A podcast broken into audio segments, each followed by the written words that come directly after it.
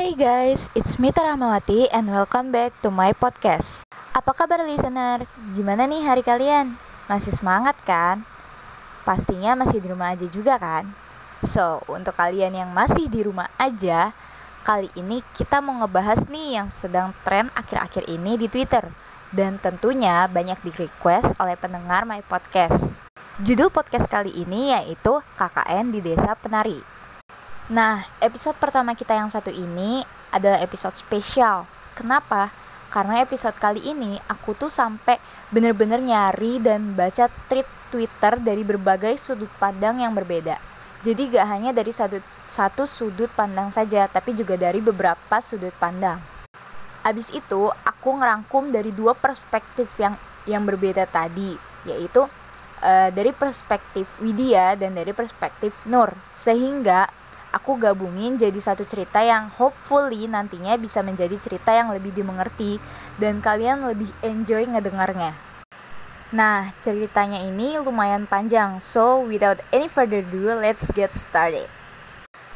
Cerita ini pertama kali ditulis dan dipost oleh akun Twitter at simple m81378523 pada tanggal 24 Juni tahun 2019 dan berakhir pada tanggal 25 Juli tahun 2019. So ya, yeah, ada sekitar 500 tweets lebih yang dibagikan menjadi beberapa tweets dalam cerita ini. Dan untuk cerita yang sama ini ada dua perspektif atau sudut pandang yang berbeda, yaitu ada sudut pandangnya Widya dan ada sudut pandangnya Nur, yang seperti tadi di awal aku bilang. Nah, semua nama, lokasi, kampus, fakultas yang disebutkan dalam cerita ini semuanya disamarkan. Tapi kejadian ini terjadi pada akhir tahun 2019 dan mahasiswa-mahasiswi yang terlibat adalah angkatan 2005 2006. Sebelum kita masuk ke cerita, kayaknya lebih enak kita ngenalin karakter-karakternya terlebih dahulu ya. Nah, di cerita ini ada enam mahasiswa-mahasiswi yang bernama Nur, Ayu, Widya, Bima, Wahyu, dan Anton. Ada juga kakaknya Ayu, Ilham, dan temannya Pak Prabu dan juga Mbah Buyu. So, let's get to the story. Basically, suatu malam ada dua orang teman yaitu Ayu dan Nur sedang bahas program KKN mereka nih.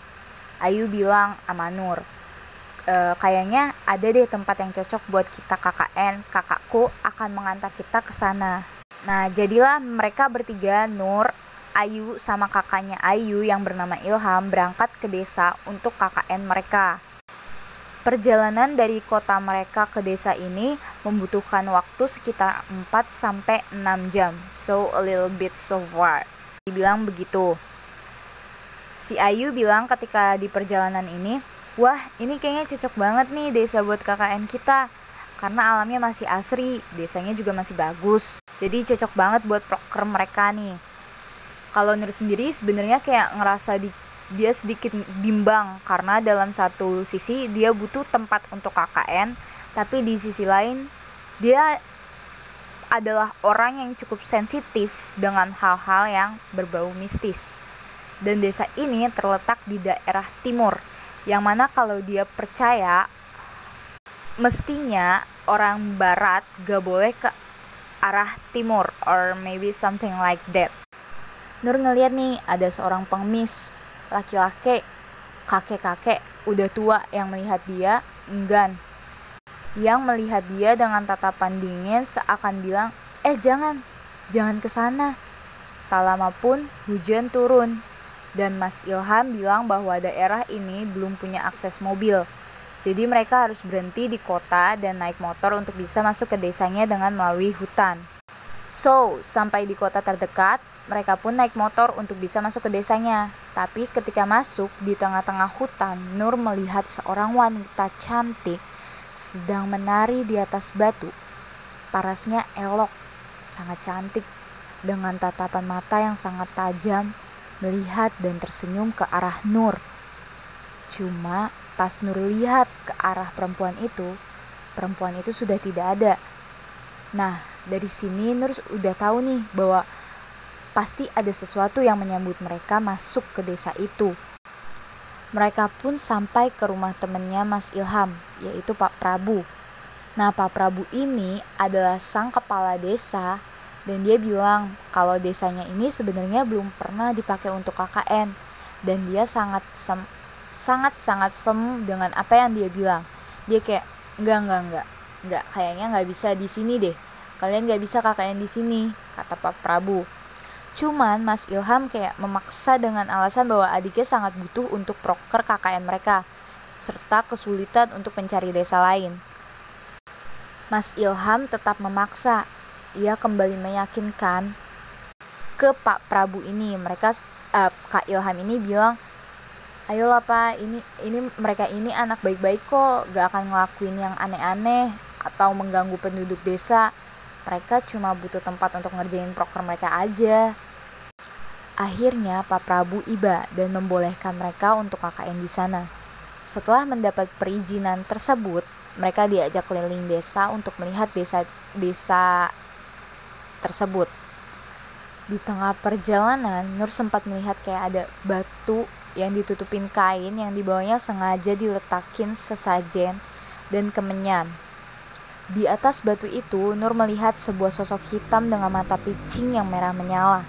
Sekujur badannya ditutupi rambut dan ada tanduk kerbau di kepalanya. Nur sama makhluk ini saling tatap.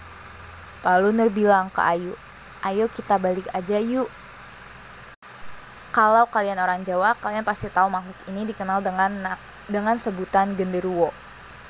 Nah, di mobil, Ayu bilang sama Nur, eh, ajak aja deh Bima, Widya, dan kakak seniornya untuk masuk ke grup KKN mereka. Awalnya Nur sempat nolak Bima, tapi akhirnya ya udah biarin aja si Bima ikut juga.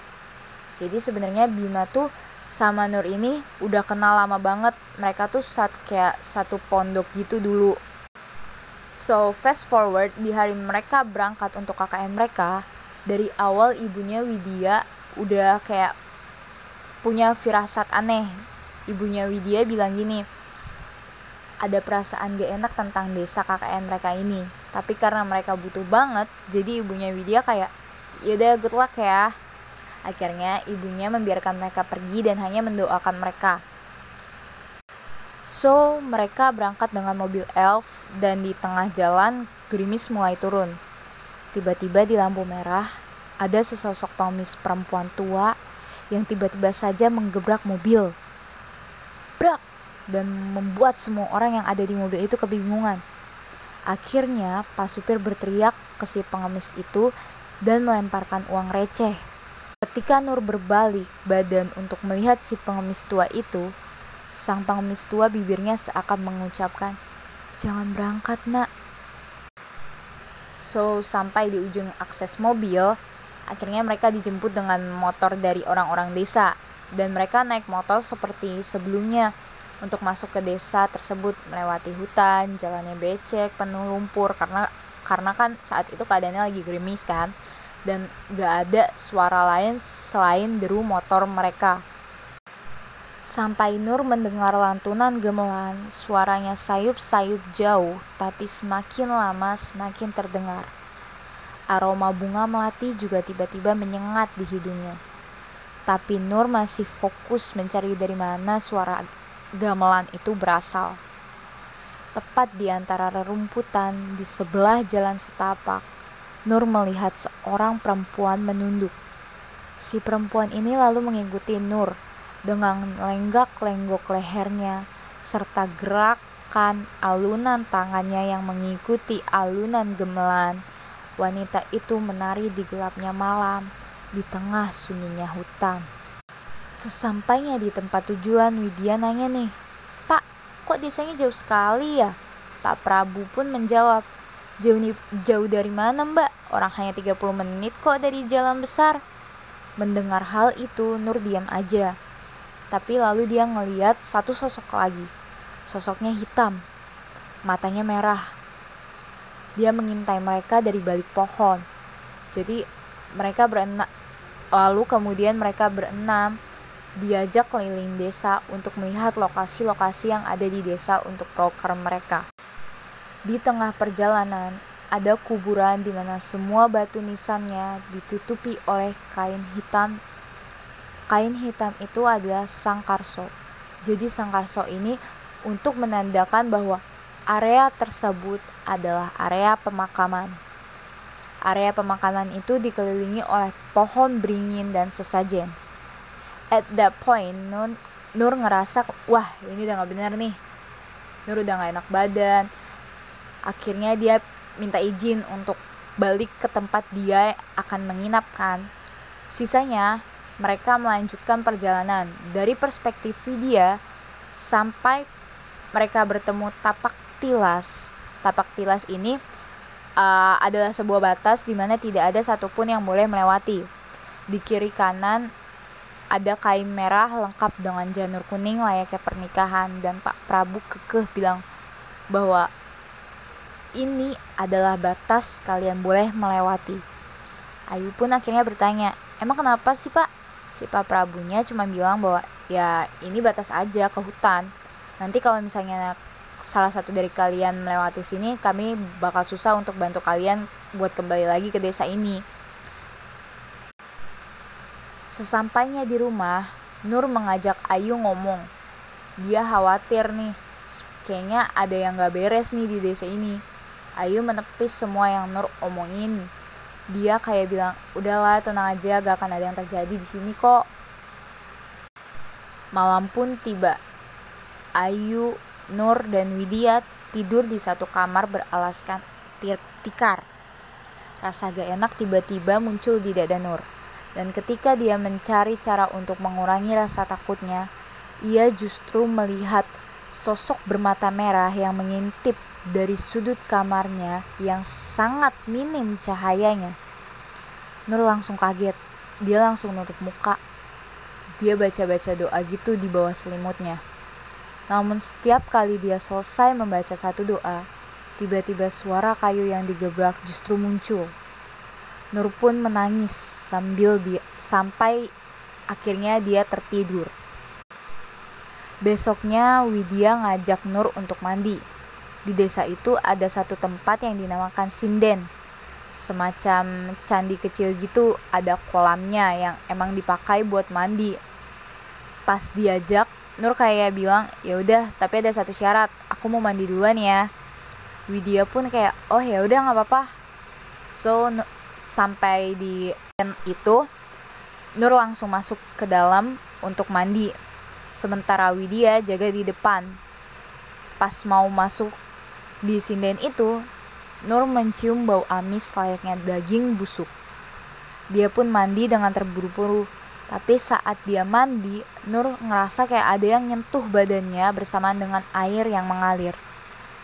Setelah dia perhatikan, ternyata air di dalam kendinya dipenuhi dengan rambut.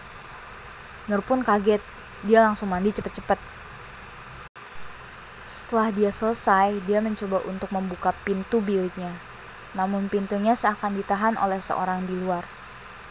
Nur pun teriak, Wit, Wit, buka Wit, tapi tidak ada jawaban dari Widya. Dia teriak lagi, Wit, buka Wit, buka, Widya buka. Tetapi tidak ada jawaban. Sampai akhirnya dia sadar bahwa di belakangnya ada sosok yang sangat besar. Nur pun tutup mata dan mencoba untuk melempar batu ke makhluk itu. Tiba-tiba pintu biliknya bisa kebuka. Widya ngelihat Nur kebingungan. Nur cuma bilang bahwa dia akan berjaga di depan. Widya masuk mandi dan saat Nur jaga di luar, Nur mendengar ada or, ada suara orang yang berkidung. Nur memanggil Widya sambil mengintip dari celah yang ada di balik di bilik. Namun yang Nur lihat bukanlah Widya, melainkan sesosok wanita cantik yang juga merupakan penari yang ia lihat tempo hari sedang membasuh badannya sambil berkidung. Dan Nur melihat perempuan itu sambil bingung, sampai si perempuan itu menoleh dan melihat ke arah Nur, dan dia hanya tersenyum. Nah, sedangkan dari perspektif Widya, it's a little bit different dari dari Nur.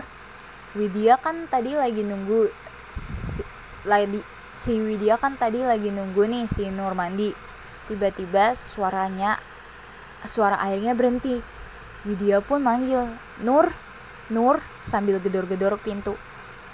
Anehnya Nur tidak menjawab. Tiba-tiba suaranya sunyi banget.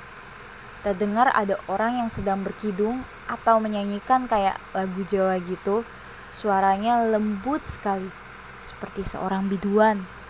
Widya masih teriak, Nur, Nur bukan Nur, Nur. Tiba-tiba Nur muncul dan mukanya kayak bingung. Jadi setelah Nur keluar dia bingung kenapa Nur kayak bingung gelisah gitu kan. Nah Widya masuk buat mandi karena ngerasa aneh ngelihat Nur. Widya mandi cepet-cepet. Widya ngerasa kayak ada orang yang sedang memperhatikannya dari ujung kepala sampai ujung kaki. Pas selesai mandi Widya keluar bertanya ke Nur Nur kamu bisa kidung Jawa ya Nur bilang enggak kok So, karena hal-hal ini terus berulang, Nur akhirnya pergi rumah Pak Prabu. Sesampainya di sana, Pak Prabu tuh lagi duduk sama seorang kakek dan ada tiga gelas dan ada tiga gelas kopi. Somehow akan kayak mereka tuh udah tahu bahwa Nur akan datang ke rumah Pak Prabu. Mbah Buyut pun bilang, ini kopi untuk kamu Cah Ayu. Nur bilang, maaf mbah, saya nggak minum kopi.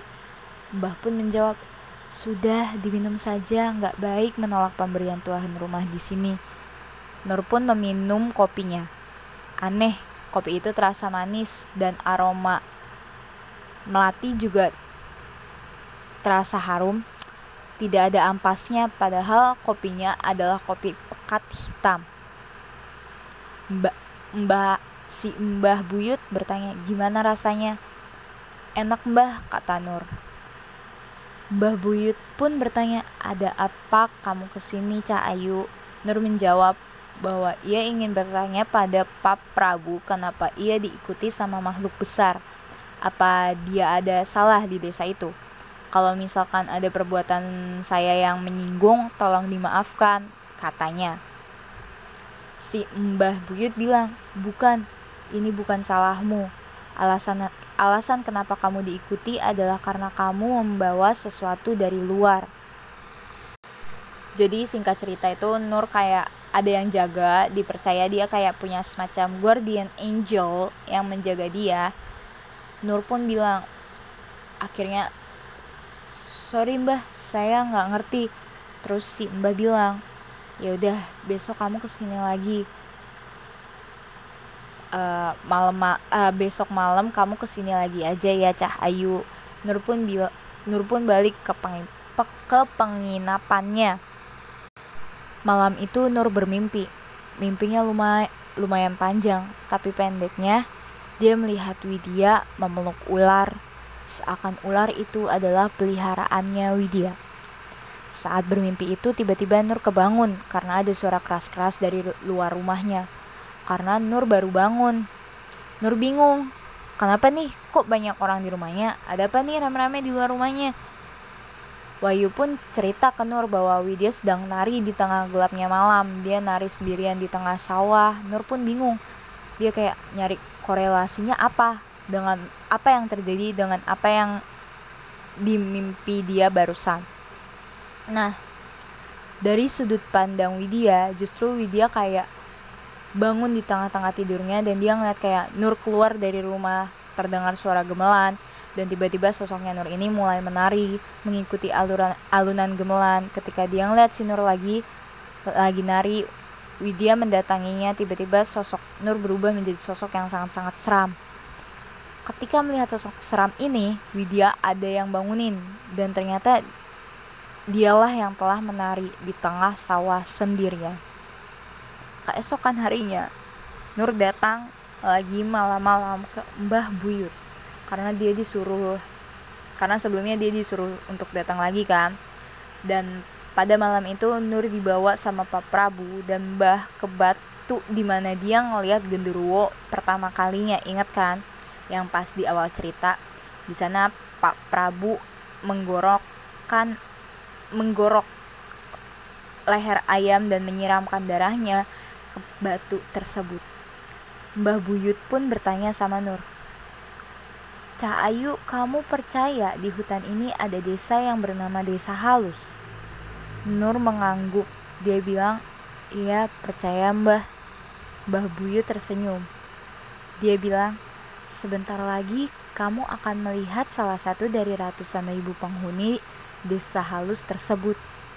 Nur terdiam dan tak lama kemudian muncullah sosok hitam besar berambut sekujur tubuh dengan mata merah yang sedang menjilati darah ayam yang tadi dikucurkan di batu tersebut. Jadi pendeknya si Nur ini ada yang ngejaga namanya Mbah Dok. Nah Mbah Dok ini nggak terima sama penduduk desa halus, makanya si Nur ini dikejar-kejar sama si Gendro tadi. Tapi si Mbah Buyut tapi setelah diskusi si Mbah Buyut sama Pak Prabu ini, ia bila mereka bilang bahwa ini gak bisa dipisahin antara Nur sama si Mbah Dok karena mereka kayak udah nyatu gitu dalam satu jiwa atau something like that. Jadi kalau dibiarin jadi dibiarin aja Nur dengan penjaganya karena kalau dipisahkan Nur bisa aja mati Mbah Buyut lalu mendekati Nur dan menarik ubun-ubunnya. Tiba-tiba Nur sudah tidak bisa melihat makhluk-makhluk yang ada di desa itu. Besoknya, Nur Nur ini lagi proker nih sama Anton jadi grup prokernya itu kan ada Bima sama Ayu Wahyu sama Widya Anton sama Nur dan Anton sama Nur si Anton ini bilang Nur kok temenmu si Bima aneh banget sih Nur tanya loh aneh gimana? Anton pun cerita bahwa dia sering ngeliat dan ngedengar Bima bicara dan tersenyum sendirian. Bima juga sering bawa pulang sesajen dan menaruh di bawah ranjangnya Bima sesajian tersebut. Nur kaget. Dia pun kayak bilang ah nggak mungkin nggak mungkin nggak mungkin. Dia gak dia gak percaya gitu kan? Karena Bima yang ia kenal itu adalah Bima yang sangat sangat sangat sangat religius. Anton bilang ya udah kalau nggak percaya sini coba lihat. Anton sama Nur pun masuk ke kamarnya Bima dan Anton. Nunjukin. Tuh lihat. Nur kaget dong. Waktu lihat sesajen di bawah kasurnya itu Ternyata gak cuma sesajen, ada juga foto Widya sahabatnya Nur. Anton juga bilang, iya, iya aneh banget. Setiap malam kita bisa dengar suara perempuan dari kamarnya Bima, tapi setiap dia tuh setiap ditungguin gak pernah ada tuh satu sosok wanita yang keluar dari kamar itu kecuali Bima. Lalu tiba-tiba Anton mendekati lemarinya Bima. Tiba-tiba ada seekor ular hijau yang keluar dari lemari itu. Anton dan Nur pun kaget mereka cuma bisa lihat-lihatan aja. Semenjak hari itu, Nur jadi semakin was-was mengawasi Bima. Dan suatu saat nih bener aja, si Bima kayak naburin bunga di tempat biasa Widya duduk. Suatu maghrib, Nur sedang sholat. Widya sedang duduk di ruang tengah. Ayu, Wahyu, dan Anton lagi duduk di teras, dan Bima sedang pergi dengan Pak Prabu. Widya berjalan ke arah dapur tapi saat berjalan itu dia ngelihat Nur lagi sholat lagi sholat di sebelah kiri tapi ketika di dapur tiba-tiba dia ngelihat Nur lagi dia ngelihat Nur lagi minum dia bingung dong akhirnya dia balik lagi ngecek ke kamar siapa yang sholat ternyata nggak ada siapa-siapa dia balik lagi ke dapur gak ada siapa-siapa juga ternyata Widya panik dia kayak gemeteran gitu kan akhirnya tiba-tiba Nur muncul lalu bertanya, Wit, kenapa? Widya cuma dia mematung gitu kan. Dan akhirnya teman-teman tuh yang lain kayak nyusul ke dapur, ikutan nyusul ke dapur gitu. Mereka kayak bilang, eh kasih minum, kasih minum. Sama Nur akhirnya dikasih minum. Dan sama Nur itu, dan ketika dia minum itu, Widya tersedak. Widya memasukkan tangannya ke dalam mulut dan ternyata ia menarik rambut dari tenggorokannya ada tiga helai rambut yang panjang gitu keluar dari tenggorokannya. Dan ketika dilihat ternyata memang ada gumpalan rambut di kendi tersebut. Video langsung muntah-muntah. Tapi anehnya, Nur ikutan minum kan air dari kendi tersebut. Dari kendi yang sama, air yang sama, tapi Nur nggak ngerasa ada apa-apa. Nur malah kayak baik-baik aja di saat yang bersamaan, Anton langsung bilang, wah kamu ini diincar atau dipelet. Nur sontak bilang, apa penari itu masih ngejar-ngejar kamu? Soalnya dari kemarin aku gak ngeliat dia. Semua langsung bingung kan? Hah? Penari apa?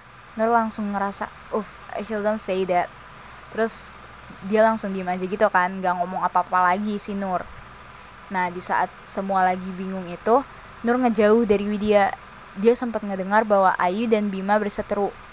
Salah satu kalimat yang terdengar, Bima ngomong ke Ayu, kayak di mana mahkota di mana mahkota putih yang aku titipin sama kamu kan itu buat Widya kok Widya belum nerimanya Nur cuma mikir hah? Mahkota putih. Mahkota putih apa?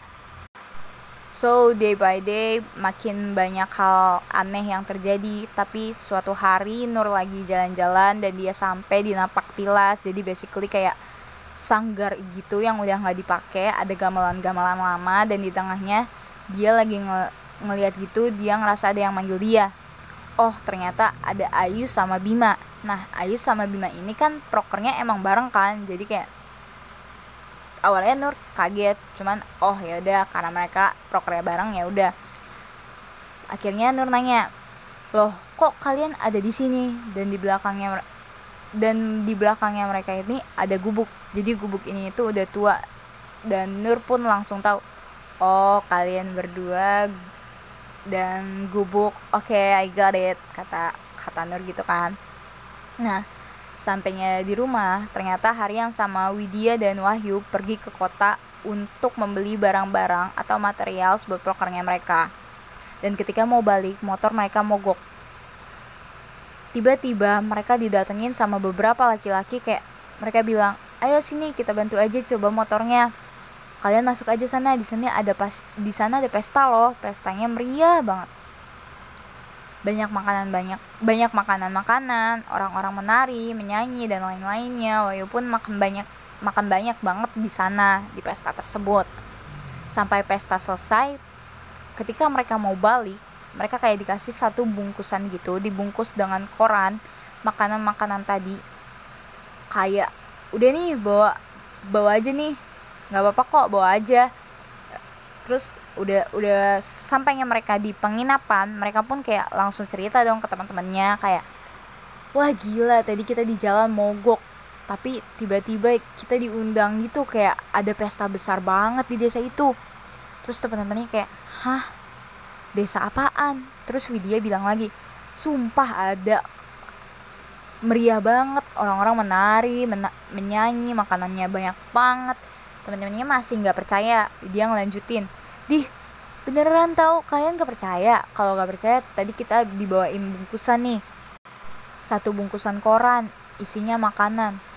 Tapi pas Wahyu ngeliat bungkusannya lagi loh kok bukannya koran malah bungkusannya tuh daun pisang. Dan ketika dibuka bingkisan tersebut berisi kepala monyet yang masih segar dengan darah dan lendir Singkat ya, setelah kejadian itu Wahyu pun langsung jatuh sakit selama tiga hari. Nah, di tengah malam, Nur Widya Ayu lagi tidur. Nur pun terbangun. Dia ingat, oh iya waktu itu kan kayak mereka ngomongin mahkota putih. Dia pun langsung ngobrol-ngabrik tasnya Ayu nih untuk ngeliat apa ada si mahkota putih ini. Nah, Nur kaget. Dia ternyata nemuin ada selendang hijau di dalam tas Ayu. Selendang hijau ini sama kayak dipakai sama penari yang dulu Nur lihat. Tiba-tiba ketika dia melihat selendang hijau itu, dia mulai mendengar suara gamelan. Widya juga muncul dengan tatapan kosong. Dia bilang ke Nur, jangan diteruskan. Widya ngomong panjang soal nyawa dan tumbal dengan bahasa Jawa yang sangat halus. Hingga Nur tidak mengerti. Sampai akhirnya di akhir Widya berkata, kamu akan pulang dengan selamat saya jamin. Nur langsung membereskan semuanya, lalu balikin semuanya ke tempat semula, ke tasnya Ayu. Besoknya, Bima datang ke Nur, kayak, sorry gue sama Ayu kemarin hilaf. Dia juga cerita bahwa dia sebenarnya memelet Widya, Bima Bima ini cerita bahwa Bima dikasih mahkota putih sama sesosok, sesosok yang bernama Dawuh. Katanya mahkota itu kalau dikasih ke Widya akan membuat Widya jatuh cinta sama dia.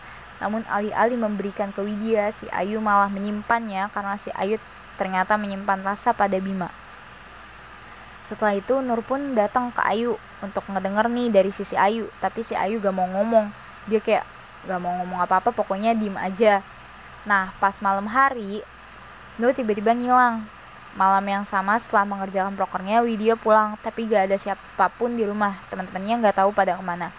Petromax yang biasanya nyala di depan rumah pun saat itu mati. Widya pun jalan ke arah dapur. Widya ngelihat Nur lagi duduk di sana, menatap lurus kosong ke arah Widya. Terus Widya nanya, Nur ngapain? Nur diem aja, matanya kosong. Lalu dia merebahkan kepalanya dan dia mulai berbicara dengan suara wanita tua. Cah Ayu betah ya tinggal di sini. Gimana? Udah kenal sama penunggu di sini? Widya ketakutan. Dia mulai menangis.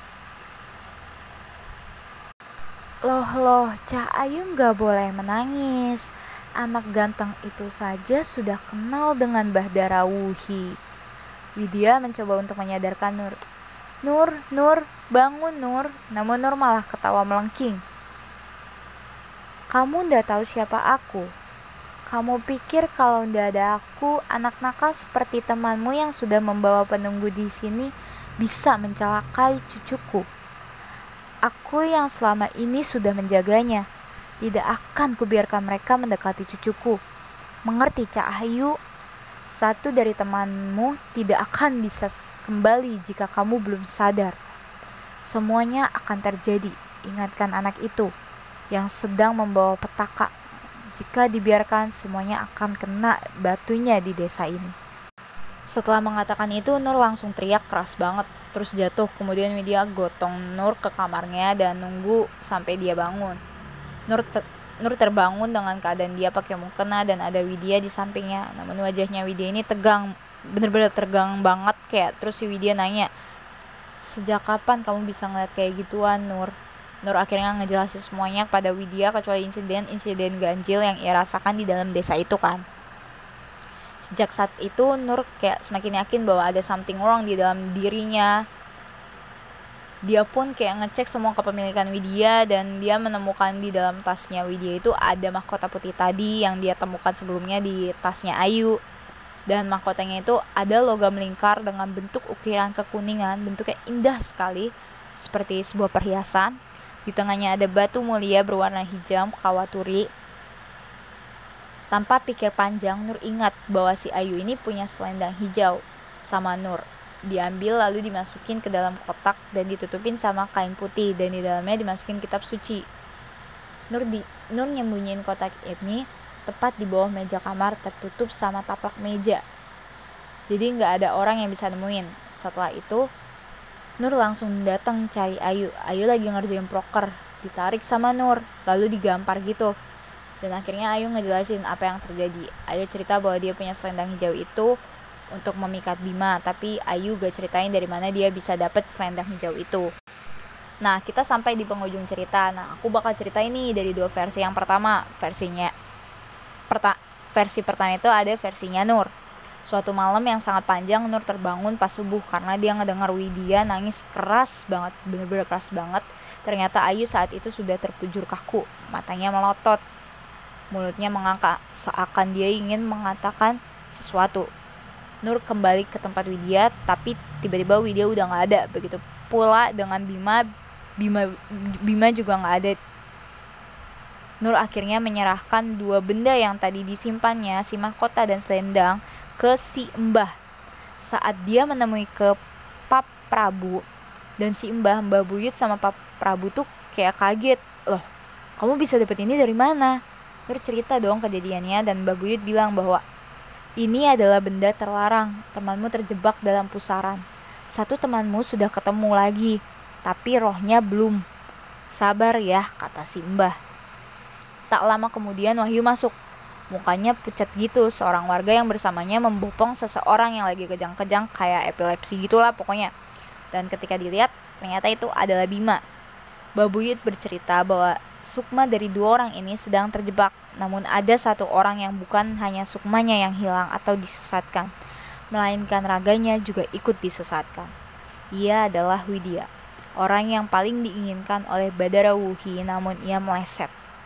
Mbah Buyut lalu menunjukkan si mahkota Kawaturi tadi dan bilang bahwa Benda ini diletakkan di lengan seorang penari sebagai tusuk sebagai susuk dan Badarawuhi ing dan Badarawuhi ini menginginkan benda ini ada pada Widya. Namun Nur yang menemukannya, kemudian mengambilnya sehingga membuat benda ini kehilangan pemiliknya. Maka artinya Nur yang memiliki maka artinya Nur yang memiliki benda ini. Tapi Nur dilindungi karena si Nur ini tadinya kan emang punya guardian angel kan si Mbah Dok, si Mbah Dok tadi. Nah, Pak Prabu meminta agar Ayu dan Bima ditutupin oleh kain putih dan diikatkan oleh tali kain kafan. Jadi seakan-akan mereka tuh kayak udah nggak bernyawa, padahal yang satu masih terbujur kaku, yang satu lagi kejang-kejang. Mbah Buyut akhirnya pergi ke kamar. Dia katanya akan menjelma menjadi seekor anjing dengan ilmu kebatinannya. So, itu dari versinya Nur. Sedangkan dari versinya Widya, malam-malam setelah rapat Widya ingat bahwa ada yang bilang kalau si Bima emang suka keluar malam-malam sendirian dan malam itu Widya benar-benar ngelihat Bima lagi sendirian. Widya masuk ke kamar Bima, di situ ada Anton dan Wahyu yang lagi tidur. Tapi sama Widya akhirnya dibangunin karena si Bima itu keluar kan sendirian, jadi dibangunin sama dia. Eh bangun, itu si Bima jalan sendirian, coba deh kalian ikutin. Tapi Wahyu malah bilang, udahlah, paling dia ngerjain proyeknya, kata dia kan. Kata Wahyu, Nah, akhirnya si Widya memutuskan untuk dia sendiri yang ngikutin si Bima. Nah, rupanya si Bima berjalan ke arah napak tilas. Sama Widya diikutin terus. Nah, Widya mulai ngedenger tuh suara senandung disertai alunan gamelan. Sampai di ujung napak tilas, Widya menemukan semak-semak gitu. Jalannya tuh udah kayak udah ditutupin semak-semak gitu, jadi kayak gak bisa lewat gitu kan. Tapi tiba-tiba dia sadar kalau dia udah mulai ngunyah tumbuhan-tumbuhan itu, terus dia sadar ini terus saat si Widya sadar ini Widya kayak ngerasa tenggorokannya udah kayak tersayat-sayat batang tumbuhannya gitu kan. Akhirnya Widya tetap maju mencari celah-celah untuk melihat Bima. Nah dia menemukan Bima. Bima sedang berendam di sinden dan di sekelilingnya tuh banyak banget ular Bima pun menoleh ke arah Widya Widya berbalik dan berlari dan berlari pergi saat lari itulah Widya mulai mendengar lagi Suara tabuhan gong diikuti suara gendang, gamelan keras banget dan suara ketawa yang bersaut-sautan. Tiba-tiba Widya kayak ngeliat banyak banget makhluk aneh di sanggar yang tadi kosong itu. Ada yang melotot, ada yang wajahnya separuh, ada yang gak punya wajah, ada yang pendek, bahkan ada yang tingginya setinggi pohon beringin. Pokoknya bermacam-macam deh bentuknya. Widya pun mulai menangis. Tiba-tiba semua suara berhenti dan Widya melihat di depannya ada seorang perempuan menari. Tariannya membuat semua mata tertujunya itu pada uh, semua tertuju kepada wanita tersebut. Dan setelah dia perhatikan ternyata perempuan itu adalah Ayu. Matanya Ayu sembab seperti habis menangis. Tapi ekspresi Ayu ini seperti kayak nyuruh Widya pergi tanpa tahu apa yang terjadi selanjutnya. Widya pun lari melewati kerumunan yang lagi menonton Ayu menari. Widya terus berlari sambil menangis. Setelah keluar dari napak dari tapak tilas, dia melihat ada jalan setapak. Dia terus melihat anjing. Dia terus dia dia melihat ada jalan setapak. Kemudian dia melihat ada anjing, terus akhirnya dia ngikutin anjing itu kan. Setelah diikutin, ternyata Widya sampai tuh Pak Prabu sama Simba cerita kalau ternyata temen kalian yang dua itu telah melakukan yang sesuatu yang mestinya tidak boleh dilakukan di tempat terlarang yaitu napak tilas. So, go back to the past. Ternyata ketika Nur lagi pergokin Ayu dan Bima yang ada di gubuk waktu itu saat itu, nah ternyata Ayu sama Bima saat itu mereka melakukan sesuatu di tapak tilas, di mana tapak tilas merupakan tempat terlarang. Nah, Pak Prabu cerita nih tentang rahasia desa itu. Jadi tapak tilas itu adalah tempat yang digunakan penduduk desa untuk mengadakan pertunjukan tari, namun bukan untuk manusia, melainkan untuk bangsa jin yang tinggal di hutan. Dulu tarian itu dilakukan agar si jin-jin ini tidak mengganggu penduduk desa, tapi seiring berjalannya waktu, ternyata penari-penari itu ditumbalkan dan penari penari tersebut yang memenuhi kriteria ada penari yang perawan akan menjadi tumbalnya. Nah, Nur pun akhirnya bilang, Tapi Ayu gimana pak? Pak Prabu menjawab, itu masalahnya. Asumsi saya, Ayu sejak awal hanya sebagai perantara dari Widya lewat Bima. Namun Ayu tidak memenuhi tugasnya. Akibat itu Ayu dibuatkan jalan pintas, ia diberi selendang, selendang hijau itu. So basically Bima tuh kayak mel melet Widya gitu kan, dia ngasih mahkotanya ke Ayu tapi Ayu malah mengkip mahkota tersebut. Tapi Ayu gak mau nari. Akhirnya Ayu dikasih selendang dengan alasan selendang itu bisa mimikat Bima. Jadi karena selendang dan mahkotanya ada di Ayu maka ya udah dia akhirnya udah jadi perfect dancer ya kan di akhir cerita diceritakan bahwa pihak kampus dan keluarga datang menjemput mereka Mas Ilham pun kakaknya Ayu minta Nur untuk nemenin Ayu nih selama Ayu dalam masa penyembuhan.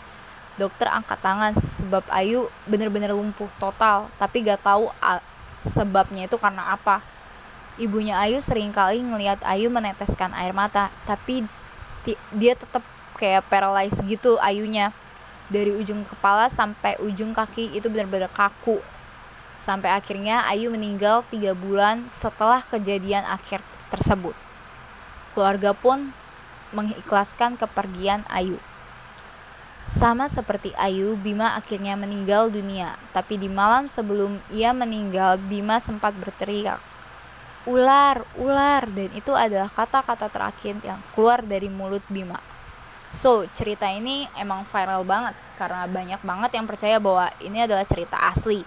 Katanya keluarganya dari para mahasiswa-mahasiswa ini juga sempat ingin ngebawa cerita ini ke publik go publik gitu untuk nuntut universitasnya namun nggak tahu kenapa gak jadi jadi ya I don't know why kenapa nggak jadi tapi yang buat banyak orang percaya dari cerita ini adalah karena cerita ini sangatlah detail alias rinci banget.